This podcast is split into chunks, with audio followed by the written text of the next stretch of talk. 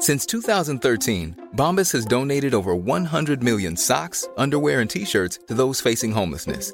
If we counted those on air, this ad would last over 1,157 days. But if we counted the time it takes to make a donation possible, it would take just a few clicks. Because every time you make a purchase, Bombas donates an item to someone who needs it. Go to bombas.com slash ACAST and use code ACAST for 20% off your first purchase. That's bombas.com slash ACAST, code ACAST. Many of us have those stubborn pounds that seem impossible to lose, no matter how good we eat or how hard we work out. My solution is PlushCare. PlushCare is a leading telehealth provider with doctors who are there for you day and night to partner with you in your weight loss journey. They can prescribe FDA-approved weight loss medications like Wagovi and Zepbound for those who qualify. Plus, they accept most insurance plans. To get started, visit plushcare.com slash weight loss. That's plushcare.com slash weight loss. Hey, it's Ryan Reynolds, and I'm here with Keith, co-star of my upcoming film, If, only in theaters May 17th. Do you want to tell people the big news? All right, I'll do it. Sign up now and you'll get unlimited for $15 a month in six months of Paramount Plus Essential Plan on us. Mintmobile.com slash switch. Upfront payment of $45 equivalent to $15 per month. Unlimited over 40 gigabytes per month. Face lower speeds. Videos at 480p. Active Mint customers by 531.24 get six months of Paramount Plus Essential Plan. Auto renews after six months. Offer ends May 31st, 2024. Separate Paramount Plus registration required. Terms and conditions apply if rated PG.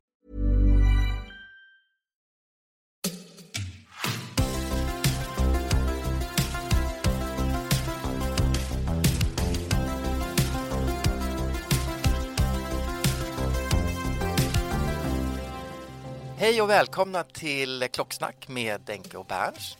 Idag så sitter jag på Krons och träffar eh, vår eh, säljare och eh, brand manager för det nya klockmärket som de tagit in, Grand Seiko.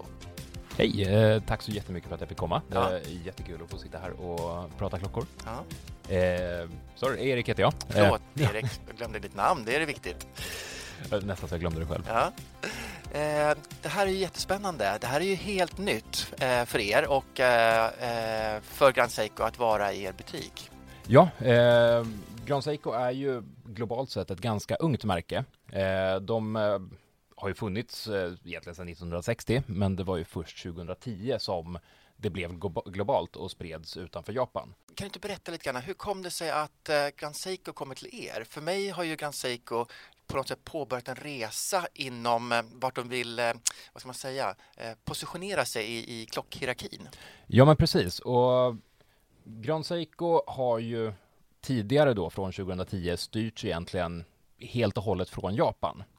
Men 2020 så splittade då den europeiska delen till som Grand Seiko Europe och de har väl haft lite andra, andra tankar kring varumärket och har velat, vad ska man säga, inte bara klockmässigt utan allting runt omkring klockorna även förhöja varumärket. Eh, och då blev vi tillfrågade då eh, som en, ja som Nordens största lyxklockekoncern Mm. eh, om vi ville eh, vara med på den här resan och fortsätta bära märket framåt och ta det till nya höjder. Ja, det är jättespännande och eh, jag vet att de har som uttalad strategi att vara i butiker som också säljer andra premiummärken och det känns som ni är kanske der- deras absolut bästa val då eh, i, i butik. Ja, men jag skulle, skulle säga det. Vi har ju ett jättebrett utbud, utbud av, eh, som säger, massa olika varumärken och just att faktiskt kunna jämföra Grand Seiko med säg eh, Rolex eller eh, Breitling, IWC, Jaeger Kult. Det tror jag stärker varumärket jätte- jättemycket att man faktiskt ser, ser det i förhållande till andra klockor och inte bara i ett vakuum. Mm. För då blir det lite lättare att kanske, kanske inte tänka bort Seiko-delen men förstå vad grandelen faktiskt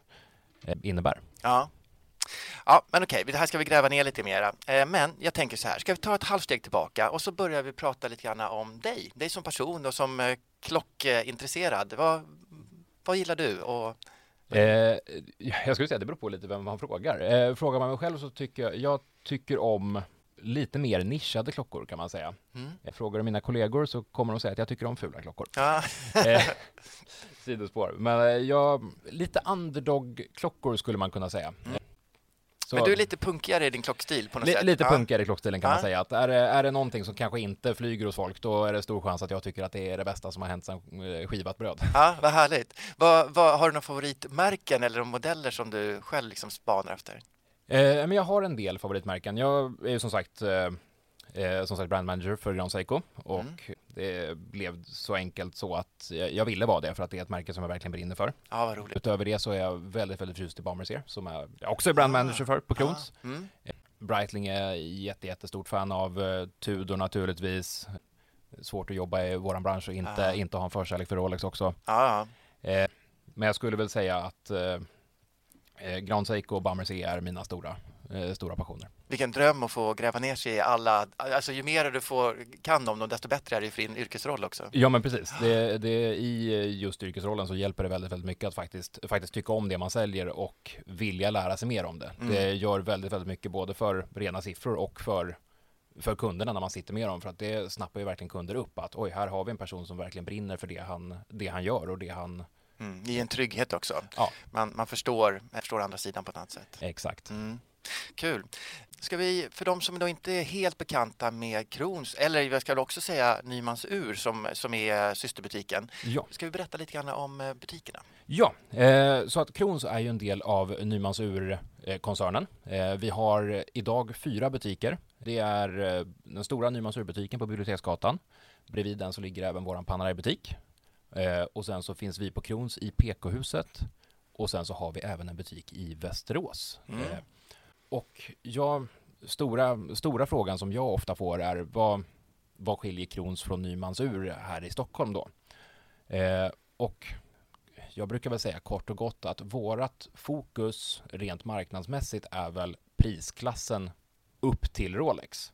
Ah, Medan Nymans Urs eh, fokus kanske har varit mer prisklassen runt Rolex och uppåt. Okej. Mm. Ja, intressant. Ja. Eh, så kanske inte helt 100% korrekt, men det, det är så jag tänker oss lite i alla Ja, fall. ja.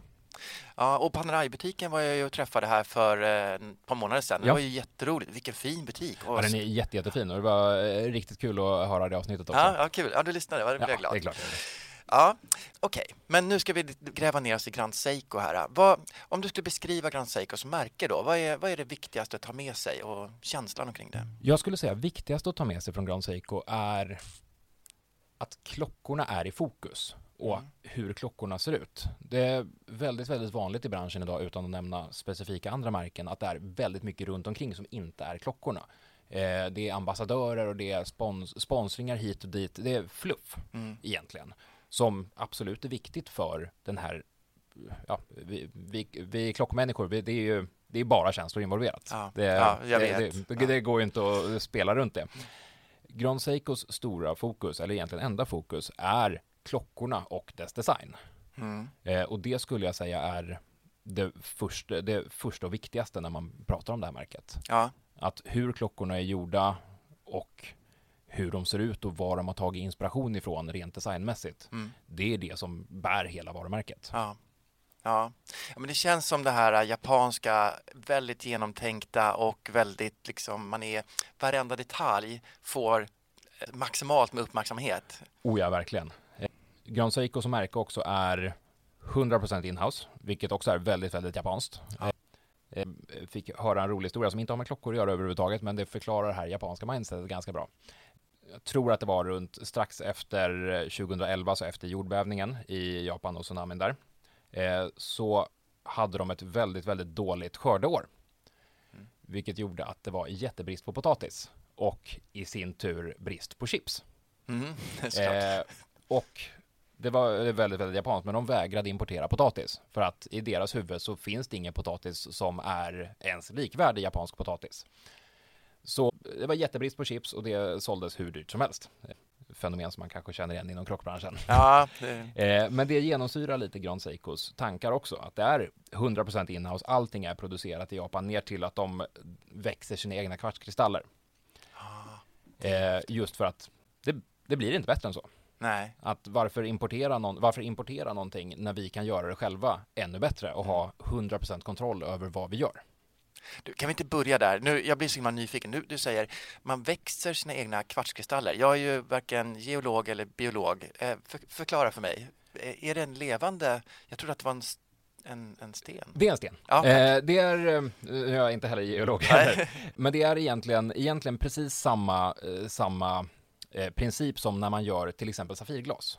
Mm. Att du i någon form av maskin, nu finns det säkert någon här ute som kan det här mycket bättre än vad jag kan, så att, ber om ursäkt för det. Men genom en maskin med riktigt högt tryck så kan du ju producera egentligen vilken mineral som helst artificiellt. Eh, Det är på samma sätt som man gör artificiella diamanter också. Så att när man gör safirglas till exempel, då gör du ju som ett stort block som bara är, det är ett, ett stort block safir och sen så skär du det till eh, klockglas eller till skärmar för smartphones, eh, vad du nu vill ha det. Och kvartskristaller fungerar precis likadant. Att eh, du växer, växer fram de här kristallerna i en, eh, någon form av maskin där det är väldigt, väldigt högt tryck.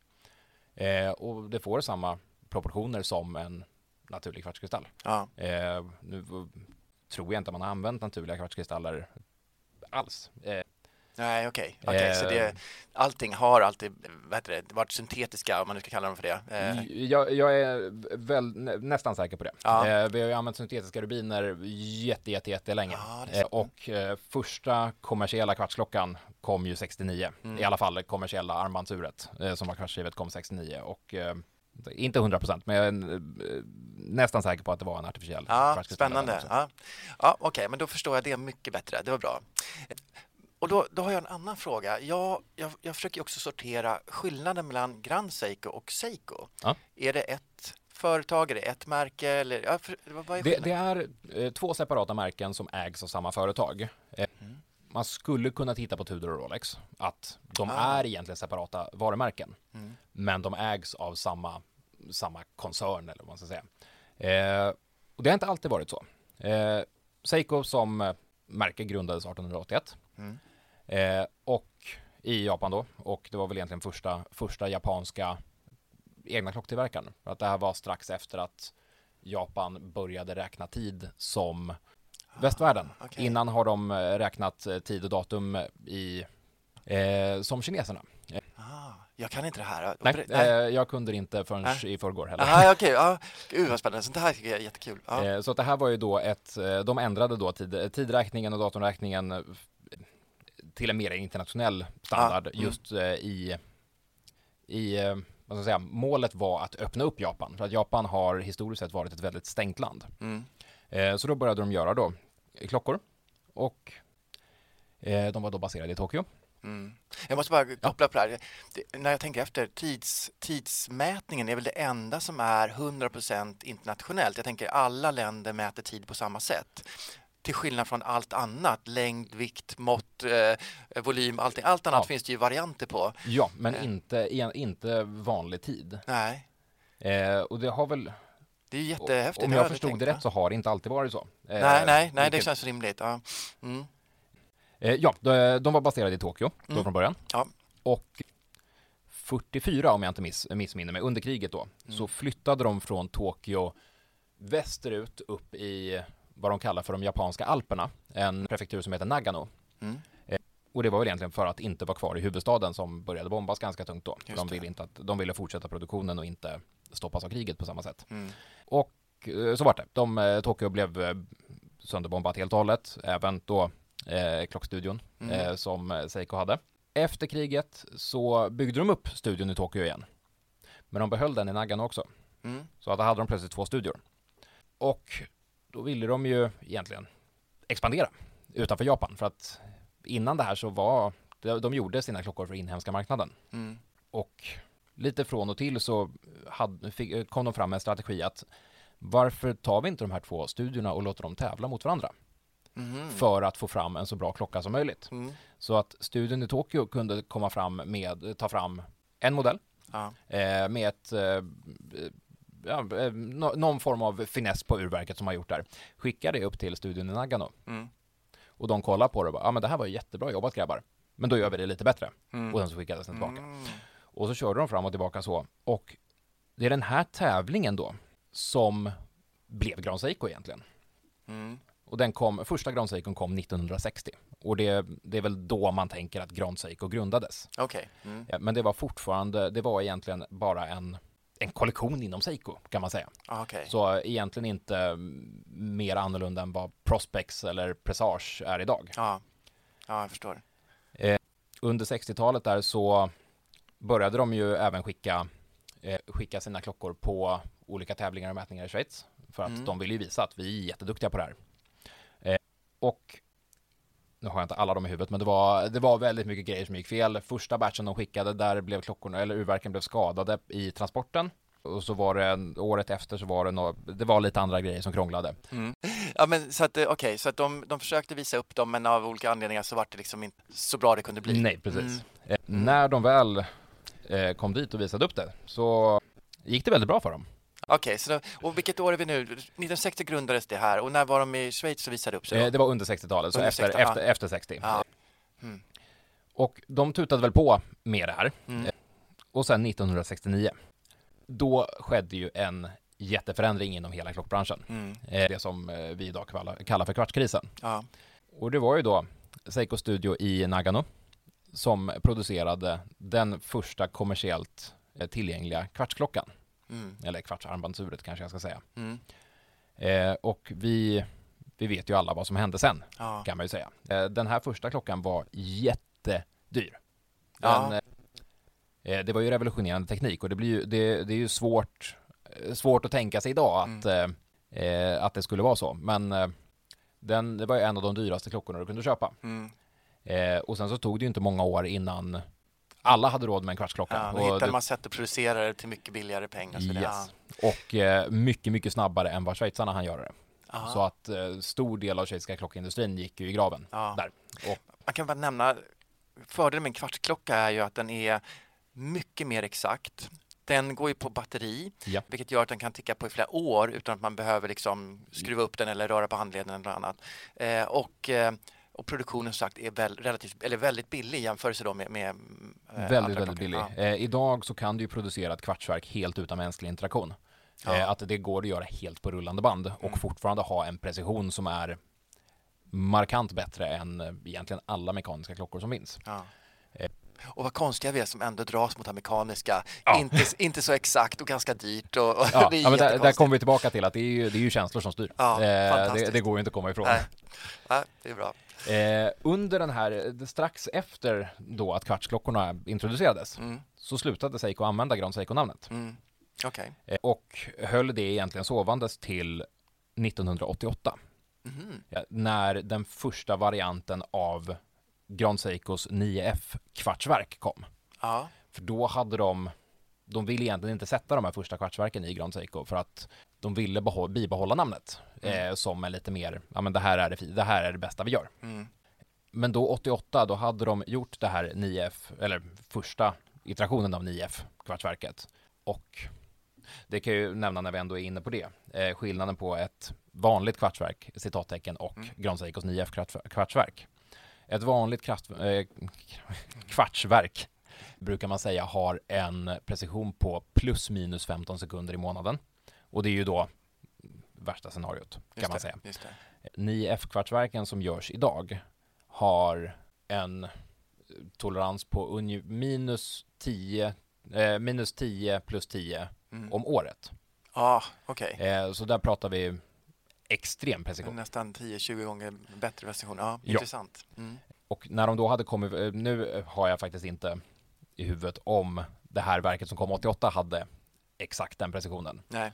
Men då var det i alla fall tillräckligt bra för att det här vill vi sätta Grand Seiko-namnet på. Ja. Eh, och Grand Seiko 88 och egentligen fram till 2010 Mm. eh, var inhemskt i Japan. Det fanns absolut utanför, folk som hade åkt till Japan och tagit med sig klockan hem som en, en klocksouvenir. Just det. Men det var ingenting som såldes utanför. Nej. Eh, så 2010 så blev gick Grand Seiko och blev internationellt. Det är ju ganska nyligen också. Det är lite väldigt häftigt. nyligen. Ja. Och om man kollar på en Grand Seiko, eller en, en Grand Seiko från runt 2010 så kommer man se att högst upp på urtavlan så står det bara Seiko. Mm. Och sen nere klockan sex så står det Grand Seiko. Ah. För att här var det fortfarande, precis som Presage och Prospex, en eh, ja, ly- eh, Seikos lyxkollektion kan man säga. Mm. Just det. Det var, se, det var, en, vad heter det, en, linje, det var inte ett eget märke, det var en, en, Det var en, lin- ja, en ja. linje inom Seiko-märket. Ja. men 2017 så blev Grand Seiko ett självständigt märke. Så att då splittade de från vanliga Seiko. Okej. Mm. Det var väl bo- både, eh, både för att ja, framförallt för att höja Grand Seiko ska man, ska man väl ändå säga att Mm. de vill ju fortfarande ha kvar namnet Seiko i Grand Seiko för att de är väldigt, väldigt stolta över sin historia och Mm. med all rätt ska, ska jag säga. Men de vill ändå ge Grand Seiko chans att växa på egen hand. Ja, just det. Flytta Utan, utan att vägas ner eller tyngas ner av eh, de, vill inte säga billigare Seiko-klockorna, men det, Nej, men det är ett billigare eh, prissegment, det Ja. är det såklart. det är det. Och riktar sig till en annan publik och så vidare. Yes. Tittar man lite internationellt, jag har, ju, jag har ju fått för mig att i Sverige så har vi, de som förstår Grand Seiko, de är ju väldigt eh, entusiastiska, men, Oh ja. men många andra tänker att det är Seiko. Men tittar man internationellt som i USA och så vidare, där, då har Grand Seiko en helt annan status. Ja, eh, det har det. Och där har det väl framförallt inom, inom vad ska man säga, klocksvängen Mm. så har det en helt annan status Mm. än vad det har i, har i Sverige. Att vi har en väldigt, väldigt hängiven fanbase här i Sverige. Mm. Eh, men som är en liten del av eh, det svenska klocksegmentet. Och utanför det här så är det kanske inte så vida känt vad, vad som skiljer en Seiko från en Grand Seiko. Nej, ja. Utan ja, man hör Seiko och tänker, ja men det, Mm. jag, jag, hade, jag hade en sån, jag fick en sån när jag fyllde 12. Just det, precis. Men har kanske inte tänkt liksom, ja men varför, varför kostar den här klockan 80 000 Ja. mot den här som kostar 800? Ja. Nej, men precis, för det är ju verkligen den skillnaden i Ja. priserna. Ja, ja vad spännande. Hur, och jag förstår ju då också att man vill eh, em, försöka nå den publiken. Bland annat genom att, vi, eller att de börjar arbeta tillsammans med er. Ja. Eh, men också lite internationellt, att jag tror att det är det spåret de går på över hela kammen nu. Oh ja, det gör de. Mm. Och eh, det kommer vi komma till sen när vi börjar klämma lite på klockorna. Ja, det, jag ser fram emot det här. Ja. Men det har varit ganska, historiskt sett ganska svårt att skilja de olika Grand Seiko-klockorna från. Mm. För att allting, alla är ju en Grand Seiko. Om man tar vanliga Seiko till exempel så har vi ju Seiko 5 som är en, en, en linje. Mm. Vi har Prospect som en till linje som ändå är Mm. lite, vad ska man säga, lite annan kvalitet kanske Ja, man kan säga. ja. Och det har, det har ju de olika Grand Seiko-klockorna haft, även, även tidigare. Mm. Men det har varit ganska svårt att utifrån få en, få en idé om, okej vänta den här kostar 40 Mm. och den här kostar 100. Mm. Vad är skillnaden? Mm. Exakt. Det har de börjat lösa ska jag väl inte säga, men det har blivit lite klarare nu med deras nyare modeller, eller deras nya kollektion som de kallar för Evolution 9. Mm. Som är, idén med det är egentligen, gör, gör det vi har gjort tidigare, fast utveckla det, Mm. därav namnet. Mm. Eh, så bo, fokus på både precisionen naturligtvis, för att vi har en vassare precision på de verken, så de Evolution 9-verken. Mm. Eh, och vi har även en annat fokus på finish även i urverket. Mm. Eh, Om man kollar till exempel på deras tidigare springdrive-verk, det är absolut inte fula verk. Nej. Men det är väl kanske inte det vackraste verket man har sett heller.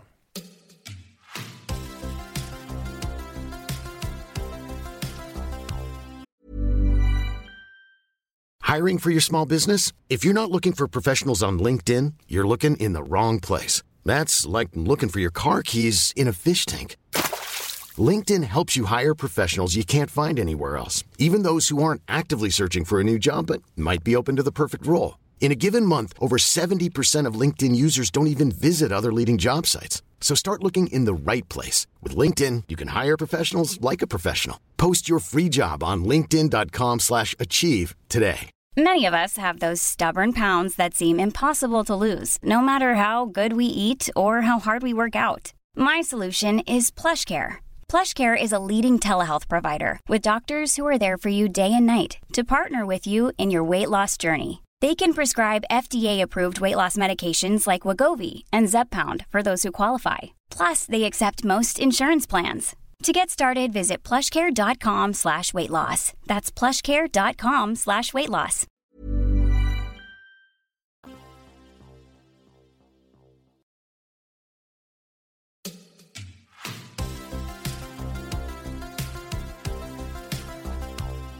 Nu, nu får du berätta. Nu fick jag en klocka med en mörk urtavla i min hand.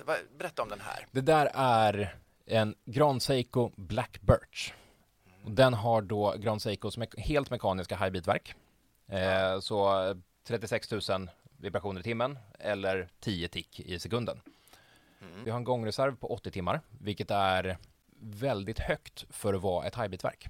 Ja, Att ju, mer, ju, ju fler rörelser du har i minuten eller timmen eller sekunden, vilken enhet man än vä- äh, väljer att använda, Mm. så konsumerar det mycket mer energi. ja, Så att generellt sett, ju högre frekvens, desto lägre gångreserv. just det. Ja, exakt, jag förstår. Det känns logiskt när du Ja. säger, när du säger sådär pedagogiskt. Ja, men precis. I, ibland lyckas jag. Eh, Anledningen till att jag tog, tog fram den där är både för att eh, både för att highlighta ett, ett av highbit-verken, Mm. men också just Evolution 9. För vi kan, du kan faktiskt få, när du har den där på dig, Mm. då kan du få kolla lite på baksidan där. Det där är då den väldigt ikoniska Snowflaken Ja, eh, som har deras vanliga eh, trehand plus datum, eh, 9R Spring Drive-verk. mm. Ungefär 72 timmars gångreserv. Eh, och som vi sa tidigare, absolut inte ett fult urverk. Nej. Men du ska få ta och vända på Black Birchen sen. Mhm. Det ska vi se. Det är spännande. Ja, Och det, blir, det, det är svårt att beskriva utan bild, men det är jag ska ta lite bilder och lägga ut på, lite, på våra sociala medier här så jag kan jämföra. Men ja, man ser en väldigt, väldigt stor, stor skillnad i finish. Mm. Att de har verkligen velat fokusera på hela klockan mm. i vad ska säga, annan mån än vad de har gjort tidigare. Det här är jätteintressant för nu, precis, nu håller jag de här två klockorna. De är egentligen väldigt lika förutom att de, en är mörk och en är ljus. Båda har datum, båda är trehandare. Den ena har power reserve, den lilla, Yes, lilla precis. mätaren. Då. Men annars är de ju väldigt lika. Men när du börjar beskriva dem, då ser jag ju alla skillnader. Små, små detaljer, men som är jättestora skillnader. Och där har man kollat på tavlorna. För att tavlorna är ju ett jätte, jättestort fokus för Grand Seiko också. Ja, Eh, och idén är att det ska vara, det ska inte vara allt för ögonfallande, men du ska ändå kunna se vad det är de ska se ut som. mm. Så Snowflaken till exempel. Tänk dig att du går ut en morgon och tittar ut över ett fält med helt, helt färsk snö. Det är ingen som har gått i det. Det har varit lite vind som har lekt. ja. Där Så- har du den tavlan. Vi kan, ta det, vi kan ta dagens, eh, vi sitter ju i Stockholm med minus 15 och, och fryser. Ja, Precis, en sån, en sån dag. en, en sån Ja. dag. Eh, så bara tittar ut över ett fält med snö. Mm. Där har du Snowflake-tavlan. Och Black Birchen, där har vi då istället en björkskog. Mm. Det är bra. Det är, Så- det är bra. Jag kan nästan se det framför när du berättar om det. Ja. Så det är eh, organiska, eh, lodrätta linjer Mm. egentligen. Precis. Och det blir så härligt när man, man kanske inte, just Snowflaken kanske man inte tänker på direkt. Och egentligen inte Black Birchen heller, den finns även med en vit tavla och där ser man, där, där behöver man inte få det förklarat vad det ska se ut som, utan det, det ser man direkt. Men just Black Birchen, oftast, i- oftast i Sverige så tänker vi ju kanske inte björk och helt svart. Nej. Men när man väl har fått det förklarat så är det det enda man ser. Mm. Men utan att det blir det blir, det blir inte en gimmick av det, utan det, blir, det är fortfarande gjort på ett väldigt subtilt och ett väldigt elegant sätt. Ja men exakt, det är det, det är det jag kanske tycker är häftigast med de här tavlorna. Att de är, de, de beroende på ljus eh, och hur man liksom ser på dem så förändras de väldigt mycket. Oh ja. Det, den här tavlan i solljus är något helt annat än som nu när vi sitter inomhus och så vidare. Så det, sånt tycker jag är häftigt. Jag gillar ju, jag gillar ju tavlor som gillar ljus eller som gillar sol. Mm. Nu, nu tog jag inte med den ner, ner här idag, men eh, den modellen som eh, fint kallas för Cherry Blossom ja. är ju också en sån att kollar man på den, ja det kan väl lura in folk i butiken där, att eh, går ni förbi mitt skyltfönster och kollar på den så kommer tavlan se grå ut. Ja. Eh, om man är eh, om man är så lyckad lottad att man eh, köper en sån och tar med den ut i solljuset, då blir den knallrosa. Det är jätteroligt. Och när vi är bredvid Kungsträdgården med sina körsbärsblommor också, det blir ju perfekt. Bästa miljön du kan ha den klockan i. Ja. I alla fall i Coolt. Sverige. Ja, vad roligt. Ja, okej, så då har vi ju den japanska perfektionistiska vad ska man kalla det, perfektionismen i varenda detalj och en, en tanke med allting också. Eh, tavlorna och, och du, som du sa, de hämtar inspiration från närområdet hela tiden. Sådär. Ja, det gör de. De här två klockorna då, vad, vad, är det för, vad är det för prislappar vi pratar om när man tittar på, på de två? Vi kan börja med Snowflaken då, Ja. eh, som är, den, den här modellen har, eh, och jag blev faktiskt jätteförvånad när jag hörde det för Mm. första gången. Mm. Den Snowflake-modellen har gjorts sedan 2005. Mm. Så att den är nästan 20 år gammal. Det är häftigt. Ja. Det är riktigt, riktigt häftigt. Så att det är en av de längst producerade klockorna. Eh, Måste det ju nästan vara. Jag har ingen fakta på det, men eh, jag skulle inte bli förvånad om det stämmer. Eh, Den ligger idag på 74 400 ja. och den här Highbeat-modellen då, som är en del av Evolution 9-serien, de ligger lite högre. Mm. Och det är ju där i fokuset på att vi vill, vi vill få upp både precisionen och hela finishen. Mm. Så den ligger på 123 300. Mm. Så det är, ett, det är ett kliv upp Mm. och det är väl åt det hållet som Grand Seiko som märke håller på att röra sig. Mm. Eh, men de har ju eh, i alla fall idag gjort det smarta, eh, smarta draget att inte ta allt på en gång. Får, får jag flika in en sak? Ja, jag, jag tänker, medan du, medan du berättar om allt det här, så tänker jag så här. Det här är precis tvärtom en, nu säger jag lite, lite raljerande, Stureplans klocka. Ja. Den köper du för att den ska synas. Den ska ha en skrikig färg, den ska vara stor eller mm, någon, någon metall som är dyr och så vidare. Ja. Så att alla andra ser vad du bär. Det här är en klocka du köper för att du själv ska veta om vad du bär. Ja, eh, precis som du säger. Att Mm. den, här, den här klockan köper du inte för någon annan, utan den här köper du bara för dig själv. Mm. För att du, du ser det fina i det. Ja. Nej, men jag tycker vi kan ta den här Snowflaken och eh, eh, påminn mig igen, vad heter den mörka? Eh, Black Birch. Blackbirds. De är nästan till exakt likadana, eh, men en är dubbelt så dyr. Ja. Eh, Och varför köper den? Inte för att det syns, utan för att du vet om det och för att du vet detaljerna och du kan, du kan liksom se ja, men de små, små sakerna när du tittar på den själv. Ja. Eh, Det är ju jättehäftigt och det är ju rätt kaxigt som märke att våga gå på den bogen på något sätt. Ja, och jag skulle faktiskt vilja sträcka det, sträcka det ännu längre. Att det är inte bara kaxigt som märke, utan det är kaxigt som konsument också. Att, Ja, men jag eh, vill exakt. Ja. faktiskt, eh, faktiskt välja att ja, men, jag vill lägga de här pengarna på mig själv. Mm, Jag vet vad det är mm. och eh, det kommer absolut finnas någon annan som kommer veta vad det är. Ja. Och resten, de kan, de kan sköta sitt. ja, de får spela ett annat spel. Ja. Ja, bra. Men du har en till klocka som jag sitter och sneglar på Jag som jag har- får lite så vintage-vibbar av. Väldigt, väldigt vintage-vibbar. Ja, Eh, den här. Mm. eh, här har egentligen inget, inget fint eh, smeknamn som de andra två. Ja. Utan det är en SBGW 231G. Ett namn som bara en mor kan älska. Alltså Eh. det här, här måste de ju jobba lite grann med sina referensnummer och sånt. Det här är ju omöjligt att lära sig utan till. Nästan. Ja, ja, för, mig, för mig har det varit, än så länge varit omöjligt, de här, eh, de här som jag har suttit och verkligen, verkligen djupdykt i märket. Ja. Eh, Och speciellt när man ska ha massa andra, andra referenser i huvudet också för att det Exakt. kommer med jobbet. Men eh, jag träffade väldigt mycket trevliga människor igår som eh, slog mig på fingrarna och visade att nej, det här går absolut att lära sig. Ja. Så att eh, det blir bakläxa för Erik. Ja. Du, kan vi inte bara ta en stickare om det? Självklart. Igår. Det var ett jättetrevligt eh, vad ska man, releasemingel igår. Ja, eh, nere på då Nymans urbutiken eh, på Biblioteksgatan. Mm. Det var jätte, jättehärligt. Då hade vi eh, representanter från eh, Grand Seiko Europe. Och de finns i Eh, de finns i Paris, Paris. baserade. Mm. Eh, Så det var två fransmän som presenterade lite grann märket och ja, vi, liksom- vi säger jag, precis som jag hade något att göra, men de blev välkomnade till Sverige eller de blev Ja. välkomnade till eh, Nyman så det var jätte, det var jättehärligt. Vi fick chans att kika på väldigt många olika modeller. Oh ja. Eh, och de hade ju även med sig lite modeller som vi inte, som vi inte har i kollektionen. Till exempel då den första Grand Seikon som gjordes, hade de med sig. Och de hade med sig lite, lite tidigare limiterade varianter.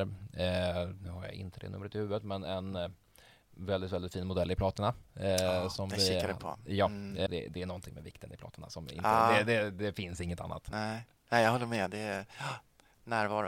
Mm. Oh ja. Alltså det var riktigt, riktigt trevligt. Ja, kul. Ja, men det var ett bra event. Men tillbaka till eh, den vinterinspirerade, inspirerade, jag tänkte rabbla referenser så här, men det, kan, det kommer jag inte ihåg. Men, ja.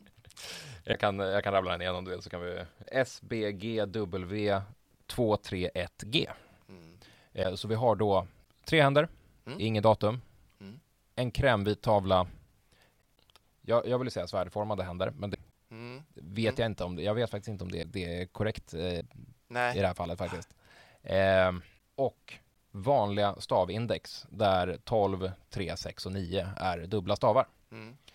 Den här är 37, komma- Där stod vi och debatterade ganska mycket igår om det var 37,3 eller 37,4. Det är en perfekt storlek. En väldigt, väldigt fin storlek. Ja, och hela idén med den här är ju att vara så när inpå den första Grand Seikon som möjligt. Mm. Och där visade faktiskt, eh, faktiskt Grand Seiko Europe en ganska, ganska rolig grej med den första Grand Seikon. Och det går även att göra med den här. Säg att du täcker över Grand Seiko. Mm. Du- Den, den, skriker ju, den skriker ju inte Grand Seiko så mycket som sent 50, tidigt 60-tal. Ja. Och- Ja, det här här är jätte, jätte... Jag gillar den här typen av klockor. Det är ju lite Calatrava-style på allting. Det här. Ja. Väldigt cleant och rent och eh, ja, det här, det här är ju en eh, jättefin klocka. Det här är nog Eh, min favorit måste jag erkänna av, av de här. Även om andra är kanske mer eh, komplicerade och finisherade och så vidare. Så den här har någonting som tilltalar mig jättemycket. Som gillar då mycket vintage, vintage-inspirerat. Så, Ja. Ja men det, det, fina, det fina i det enkla. Och där har vi ju en, en sån enkel grej som att den här lilla vintage-inspirerade dressklockan har borrade bandhorn. Ja. Det tycker jag är för mig en sån här grej som Ja, det har varit, varit ännu mer plus. Ja men precis. Det, det, det är en sån här grej som man kanske inte en utomstående kanske tänker att ja, det spelar väl inte så stor roll. Nej. Men det gör så mycket både för utseendet och för eh, användbarheten. Mm. Den där kan du slänga på precis vilket band som helst och den kommer se fantastisk ut. Mm. Och just att ha den, den möjligheten och friheten att kunna byta väldigt, väldigt lätt. Eh, tror jag på i längden. Ja.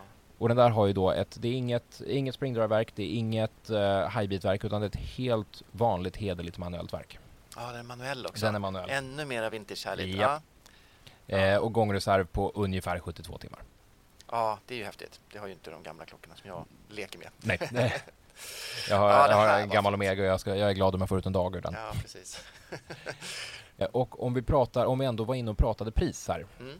så ligger den här lilla härligheten på 51 100. Mm.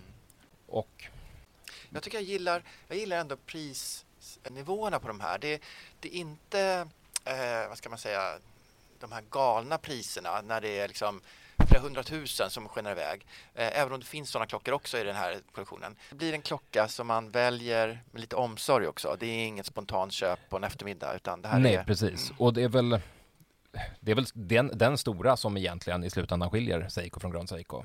Mm. Och Mm. ska väl inte säga att man springer och spontanköper eh, klockor för 5-10 tusen varje dag. Eh, Nej, det är sant. Men jag skulle ju ljuga om jag säger att det inte har skett. Ja, ja men det ju, vi, vi, är, vi bär ju på den här sjukdomen så att, eh, Ja.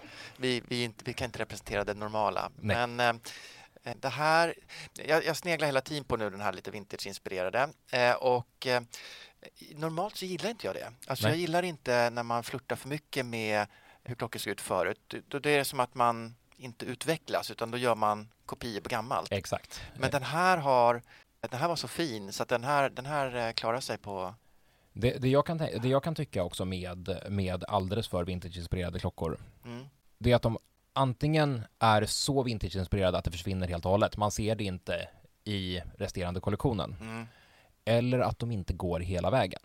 mm, Att mm. Ja, jag förstår. säga att den, det, det är en storlek, den blir lite för stor eller den blir lite för tjock, Ja, eller ja. vi har ett datum på en klocka som kanske egentligen inte borde ha ett Mm, datum. det är sant. Eller den här var automatisk av någon anledning och det, Mm, det hade varit mycket bättre om man hade tagit den millimetern i tjocklek och Mm. skippat rotorn. mm, Den här får det att bli så bra. ja, ja Och verkligen. Om man kollar lite närmare här på indexen och visarna. Mm. Det är ju finishen på dem som verkligen lyfter hela klockan Ja. och får den här, den här enkla helheten att bli så pass bra. Ja, för att den här modellen finns, finns med lite andra färger. Vi har en eh, nästan glittrigt grön tavla och vi har en isblå tavla. mm, Och de är jättefina de med. mm, Men de tavlorna i den här formfaktorn mm, tar ju bort väldigt, väldigt mycket från mm, vad det är för typ av klocka. Eh, Men, men, verkligen. väldigt subjektivt. Men eh, Mm. Nej, men den, här, den här benvita, den känns ju som den har åldrats. Att den var vit när den tillverkades för 50 år sedan och så har den liksom tiden då gjort att den blir lite gulnat som ett gammalt papper. ja, men precis. Den har, den har, den har mognat på ekfat. Ja, exakt så.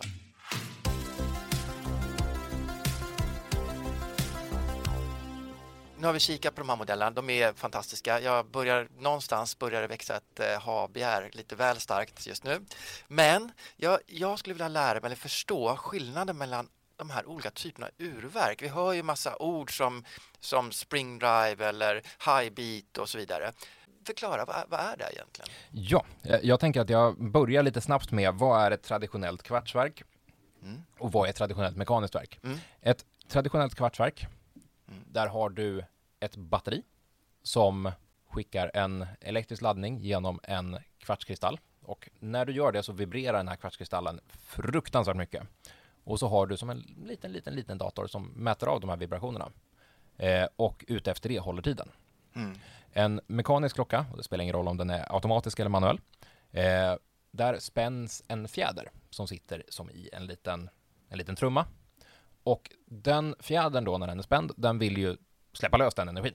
Den energin går igenom ett gäng kugghjul tills det kommer till en balans. Det är som det här hjulet som snurrar fram och tillbaka. Och så har du som en liten gaffel som sitter och tick, tick, tick, tick, tick. Och det är väldigt, väldigt, väldigt eh, ner, eh, ner eh, inte neddummat utan ner- förenklat. förenklat Nej, bra. eh, Ja. så är det det som håller tiden. Ja. Eh, och där har vi då den stora skillnaden kring varför kvartsverken håller så pass bra tid kontra varför mekaniska verk inte har riktigt samma precision. För att, För, bara för, för när du sätter el i, kvartsverk, i kvartskristallen så den, den vibrationen är väldigt, väldigt exakt. den är väldigt, väldigt exakt. Ja, och det är Eh, det som gör att man använder just kvarts som den här. Ja, eh, och det, det är en av de mest exakta sätten att mäta tid. Att eh, det är egentligen bara, det är väl egentligen bara atomur som faktiskt är mer exakt. Ska vi förklara atomur? Nu är jag helt, jag har ingen Nu- aning hur det funkar. Där, där har vi en stor maskin som ha, mäter en, en atoms sönderfallande och ut efter det. Nej, är det så? Yes. Eh, Wow, och, du kan det här ju. Ja, eh, jag jobbar med Snyggt. det. Ja. Eh, det är atomur som korrekt tidmäts. Ja. Så att allting, allting vi ser när vi kollar telefonen, Ja. det mäts av ett atomur. Och det finns ett gäng atomur ut. Det det är väldigt, väldigt dyra installationer. Alltså vi pratar, du kan köpa, den, du kan köpa en av de dyraste klockorna som existerar. Det kommer, vi kommer inte komma riktigt upp på atomursprisen. Ah. Men det är det mest exakta sättet att mäta tid som vi som människor har kommit på idag i alla fall. Mm. Och allting är baserat på den tiden. Mm. Sidospår. Mm. Ja, men imponerande. Ja, kul. Kvarts, eller kvartsverk, springdriveverket Ja. drivs helt och hållet av mekanisk kraft. Mm. Inga batterier Nej. överhuvudtaget. Det är inget, inget kemiskt i det som ett litiumbatteri, utan precis på samma sätt som ett mekaniskt verk så spänner du en fjäder. Antingen, i, antingen via att vrida upp klockan manuellt eller eh, med en automatrotor om det är ett automatiskt springdriveverk. Istället då för att den här kraften från fjädern går ut till en balans Mm. så går det genom ett gäng kugghjul och sen till en liten generator. Så att rörelsen från de här kugghjulen Mm. alstrar väldigt, väldigt lite ström. Eh, så då har vi en, det är längst ute så sitter en magnet och så Mm. är det en liten spole och Mm. det snurrar där och så kommer det ström. Ja. Den strömmen gör två saker. Det går igenom en kvartskristall som får den kvartskristallen att vibrera, Mm. vilket då lä- läser, eller eh, mäter tid helt Ja. enkelt. Och den kvartskristallen styr en broms. Mhm. Så att istället för som kvartsverk att det tickar en gång per sekund Mm. eller ett mekaniskt verk som tickar åtta gånger per sekund eller tio gånger per sekund beroende på vad vi har för frekvens så är det en konstant broms som bara trycker mot Mm. visan egentligen då. Mm. Så det står bara- helt still visan? Nej, utan den sveper. Ja, den sveper. Så okej. att den, den bromsar konstant lite. Tänk, Ah. tänk att Tänk när du bromsar in med en bil. Ja, du jag trycker, jag trycker vet. sakta på bromsen Ja. inför, inför ett rödljus. Ja. Lite samma princip egentligen. Så att hade vi inte haft den här bromsen, då hade den här fjädern i springdriveverket bara vrum, och så hade, hade klockan gått jätte, jättefort. Mm. Men det det gör då, vi kan kolla på snowflaken igen här. Mm. Då ser jag att det är inget tickande överhuvudtaget. Nej, utan den visan sveper helt och hållet. Ah. Precis som, eh, eh, men precis säger jag inte, de, de mekaniska sveper ju egentligen inte. Det ser Nej. svepande ut men det är som du sa 8-10 små Ja. tick där. Men det här är inga tick alls. Det inga, eller, ö, saktar du ner allting så kommer allting vara tick. Okej, ja. Men mm, men det här är ännu mindre synligt. Tick. ja, eh, man brukar ju mäta, mäta en mekanisk klockas gång i hertz. Mm. Eh, som vi tar, som alla känner till, en Rolex till exempel. Mm. Rolex-klockor idag har 4 hertz.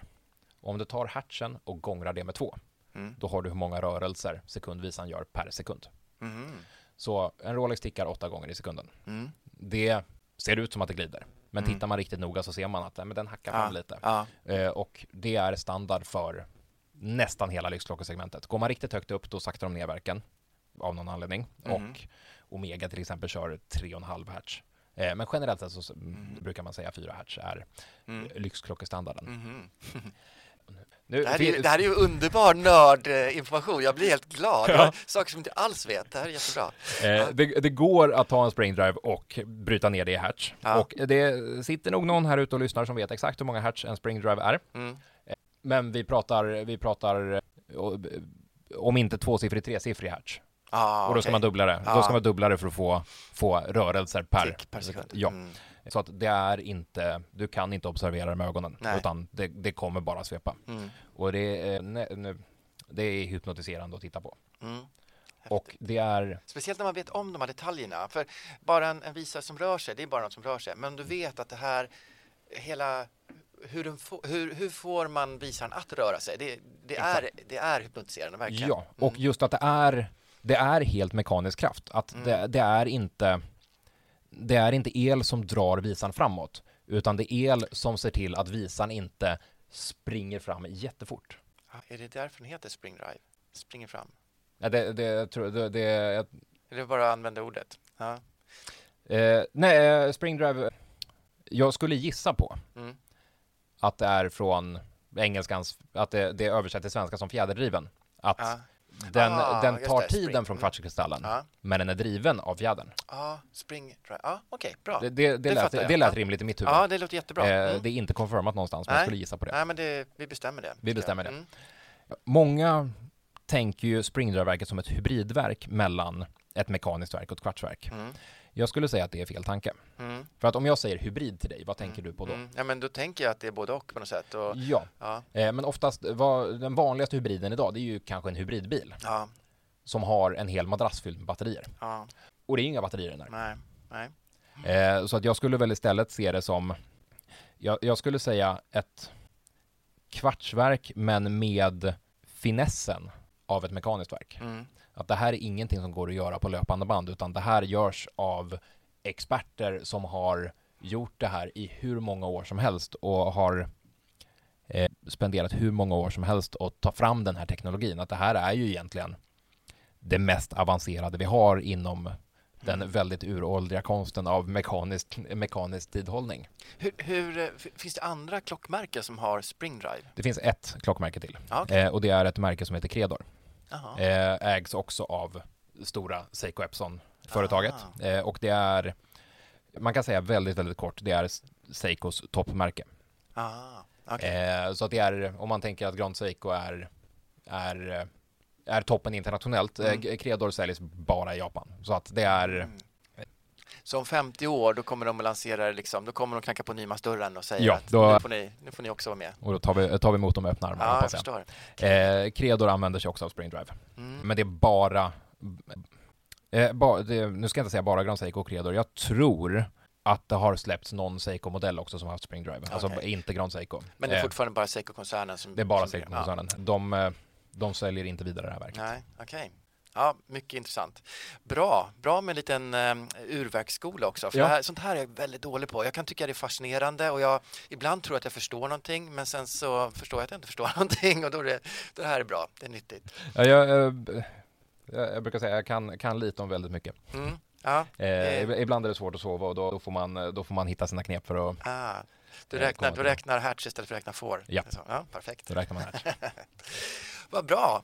Men du, jag tycker att det här var en uh, jätteintressant uh, introduktion för mig till Grand Seiko och bra information för alla lyssnare och veta att det går att komma in och klämma och känna på klockorna. Oh ja, och jag vill verkligen uppmana alla som lyssnar och skulle vara, skulle vara intresserade av att, behöver inte nödvändigtvis vara för att köpa en, utan hej, nu har jag hört om de här klockorna och bara få en egen uppfattning om vad det är för någonting, Mm. så är man alltid varmt välkommen, antingen in till mig och mina kollegor på Krons, Mm. eller då nere på Nymansur på Biblioteksgatan, där vi också säljer Grand Seiko. Och vi, eh, precis som vi kommer att ta emot Credor om de frågar oss, så Mm. vi, står vi redo att ta emot er med öppna armar. Perfekt. Ja, men det var ett jättebra sätt att avsluta idag. Stort tack Erik. Det här var jättetrevligt att var- träffa dig och jättetrevligt att lyssna på det här. Det var jätte, jättetrevligt att få vara här och stort, stort tack. Det var hur kul som helst. Bra.